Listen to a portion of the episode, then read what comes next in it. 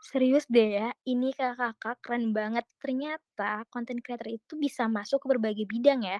Kalau dilihat contohnya konten creator di bidang menulis, bidang entertain, juga jenis konten creator desain. Berarti cakupan konten creator itu seluas itu. Jadi kepo deh, kalau sekarang nih kita jadi konten creator, ke depannya kita bisa kerja jadi profesi apa ya?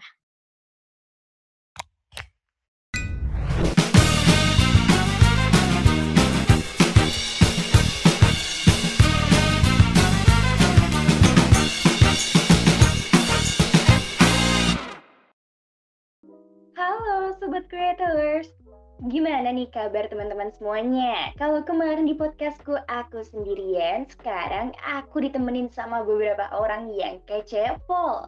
Salah satunya adalah Kak Syadrina. Halo Kak Syadrina. Halo Kak Bunga. Halo teman-teman semuanya, aku di sini nggak berdua aja nih sama Bunga. Ada Kak Hanifah loh. Halo Kak Hanifah. Halo Sadrina, halo teman-teman semua. Kita juga ditemenin sama Kalifah. Halo Kal. Hai semuanya, hari ini kalian bakal ditemani bareng kita berempat di podcast Kami Creator. Yeay, keren-keren banget sih yang hadir di episode podcast kali ini. Nah, kalau dari Kak Sadrina sendiri nih, kakak pernah lihat atau bahkan punya akun TikTok gak sih kak? Tentunya punya dong. Apalagi sekarang di era teknologi yang berkembang pesat, TikTok udah jadi konsumsi kita semua nggak sih? Nah, by the way, FVP TikTok aku sering banget muncul tentang content creator yang dapat awards dari sebuah acara webinar atau event gitu, dengan memberikan konten yang kreatif dan juga edukatif. Wah, keren juga tuh kak. Kebetulan banget nih, dengan bikin konten menarik dan edukatif di TikTok, bisa membawa kita untuk menjadi salah satu dari anggota majalah Forbes loh. Salah satunya adalah seperti yang dialami oleh Kak Vina Mulyana, seorang konten kreator di TikTok yang menyebar informasi edukatif terkait CV hingga tips dan trik di dunia pekerjaan lainnya. Keren banget gak sih? Oh my god. Iya keren banget ya kalau denger atau baca berita tentang konten creator yang sukses gitu. Kadang aku mikir, pengen deh coba terjun ke dunia konten creator. Tapi aku sendiri nggak tahu caranya dan mulai dari mana. Kelihatannya sih gampang, tapi ya susah buat direalisasiin. Bentar-bentar guys, emang job desk dari konten creator itu ngapain aja? Aku sendiri pengen buat nyoba sih, tapi nggak tahu juga detail pekerjaan konten creator itu apa aja sama kayak kamu sih Kal. Selain itu aku juga nggak tahu mulai dari mana. Wah, Kak Diva ternyata mau langsung nyoba jadi content creator juga. Keren banget sih, Kak. Biasanya, content creator akan menerima job desk untuk membuat konten orisinal yang menarik, bermakna, hingga terkadang menciptakan pesan persuasif untuk dipublikasikan ke ranah publik nih, Kak. Tapi biasanya, content creator itu penting banget untuk brainstorming dalam melakukan job desk-nya loh. Tapi ya, menurut Kak Syadrina sendiri nih, gunanya brainstorming dalam posisi content creator itu apa sih Kak? Wah, Bunga, banyak banget nih kayaknya baca-baca tentang job desk ya dari content creator. Tentu brainstorming itu penting banget buat content creator. Nah, Kan biasanya sebelum kita nyampein atau bikin konten, pasti ada pemicunya dong. Entah dasarnya karena ada masalah yang menurut kalian perlu dibahas, ataupun ada hal yang pengen banget kita sampaikan kepada orang semuanya. Contohnya, sering lewat di FVP TikTok aku tentang mix and match OOTD ala vintage gitu. Pasti ada landasan masalahnya dong. Entah karena ada yang kurang ngerti tentang fashion, atau sebagainya. Makanya ada ide yang dikeluarin buat nyelesain masalah tentang OTT tersebut.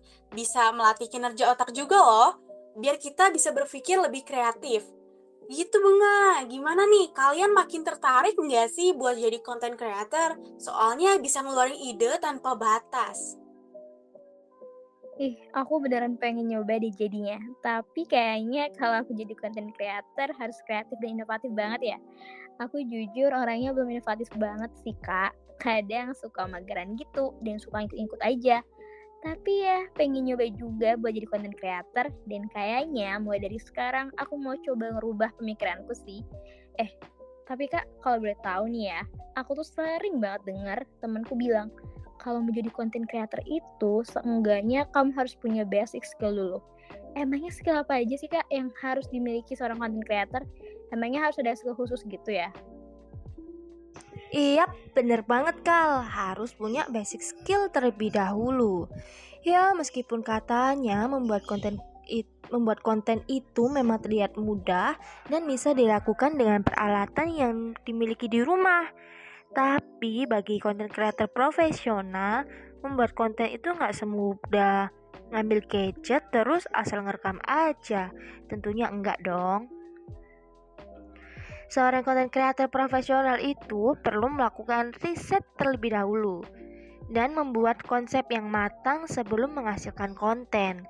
Seorang konten creator juga perlu menyesuaikan konten dengan platform yang dipilih.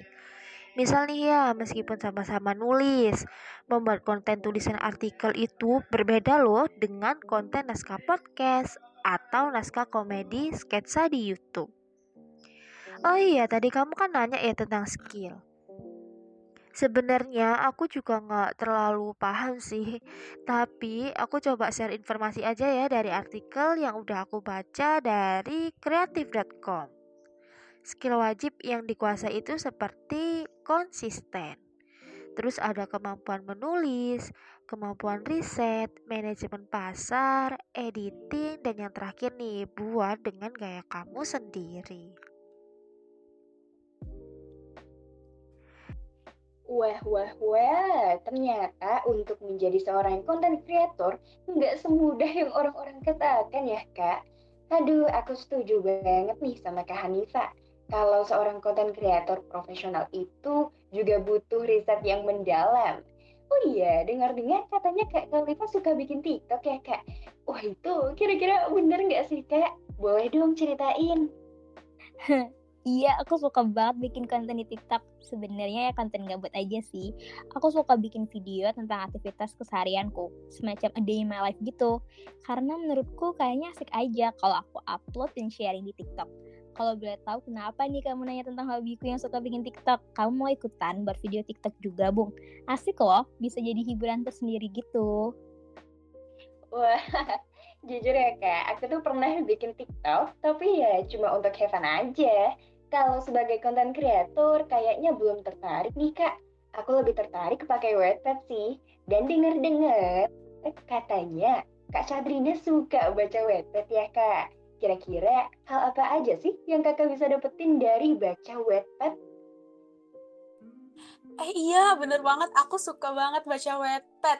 Di situ banyak cerita yang menarik dari mulai cinta-cintaan anak ABG sampai yang edukatif kayak dikemas lebih menarik aja.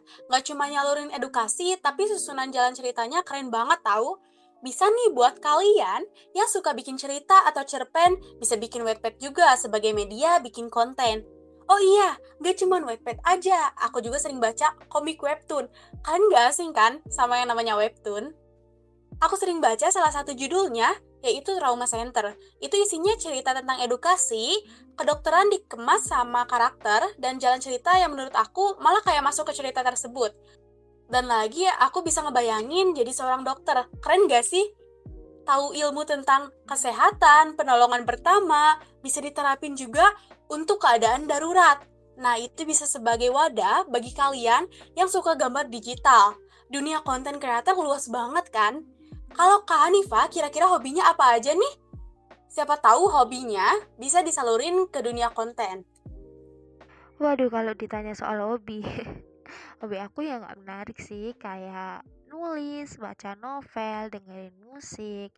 Aku juga sering bikin konten baca puisi di Instagram atau mendongeng di YouTube.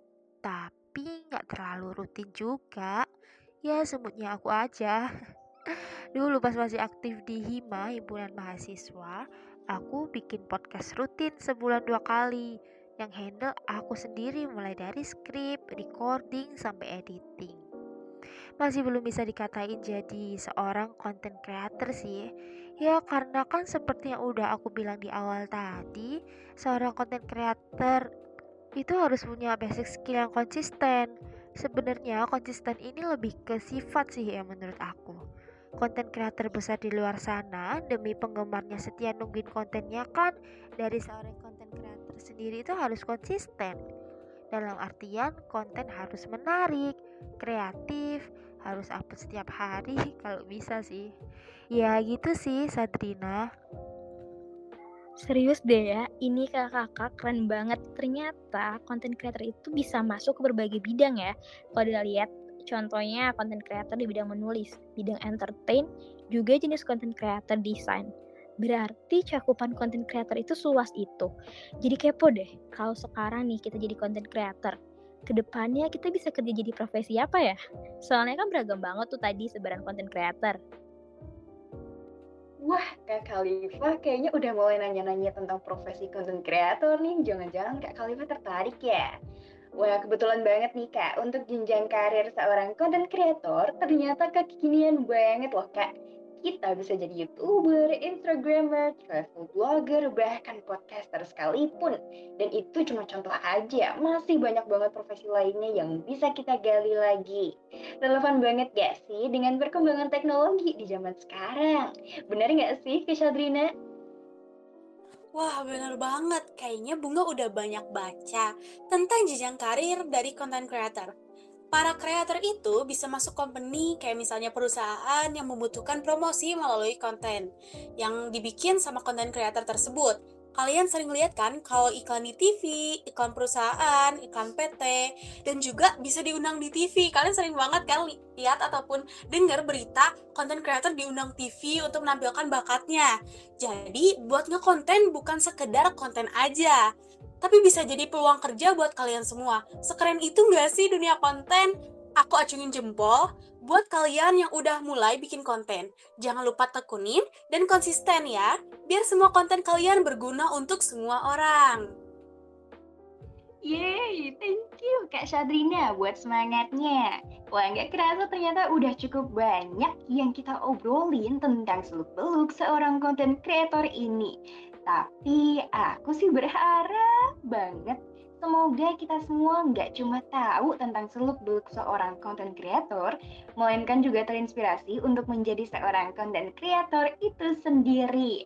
Aku setuju banget sama Kak Shadrina, kalau sekeren itu seorang content creator. Kalau dari Kak Hanifah dan Kak Khalifah, ada nggak sih Kak pesan terakhir untuk kita semua sebelum kita mengakhiri podcast hari ini? Oke, buat para pendengar podcast kami kreator, gimana nih? Tertarik nggak buat terjun ke dunia konten kreator? Karena ke depannya peran konten kreator itu sangat dibutuhkan loh dalam industri kreatif. Tapi nggak sedikit juga ya yang bekerja secara individu. Dan pastinya ya setiap karir pasti membutuhkan proses yang panjang untuk berkembang. Termasuk profesi ini nih, konten kreator Teruslah mengasah kreativitas dan memperkaya kontenmu, hingga nantinya kamu dapat membangun masa-masamu sendiri. Let's go for it. Mulai buat dengan gaya kamu sendiri. Wah, kalau dari aku sih cuma mau bilang buat teman-teman yang lagi dengerin podcast kali ini bisa lebih tahu nih passion dan kemampuan kalian, khususnya yang dari kemarin pengen banget jadi content creator. Semoga bisa tercapai dan intinya mah be yourself dan jangan ragu buat mulai. Kalau nggak dimulai kita nggak akan tahu kan apa yang akan terjadi. Bener kan? Bener banget dong Kak Khalifah. Wow, jadi gimana nih Sobat Creators?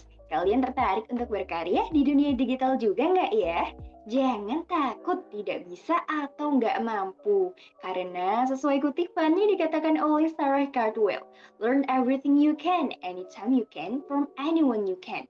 There will always come a time when you will be grateful of what you did. Alias, kita bisa belajar terutama tentang content creator di mana aja kok. Salah satunya adalah di kami creator ini. Ciet. Jadi jangan lupa untuk selalu cek Instagram dan Spotify kami kreator ya teman-teman. Thank you udah dengerin sampai habis and see you on next episode. Bye. Wah, Kak Khalifa kayaknya udah mulai nanya-nanya tentang profesi content creator nih. Jangan-jangan Kak Khalifa tertarik ya? Wah, kebetulan banget nih Kak, untuk jenjang karir seorang content creator ternyata kekinian banget loh Kak. Kita bisa jadi YouTuber, Instagramer, travel blogger, bahkan podcaster sekalipun. Dan itu cuma contoh aja, masih banyak banget profesi lainnya yang bisa kita gali lagi. Relevan banget gak sih dengan perkembangan teknologi di zaman sekarang? Bener gak sih, Keshadrina?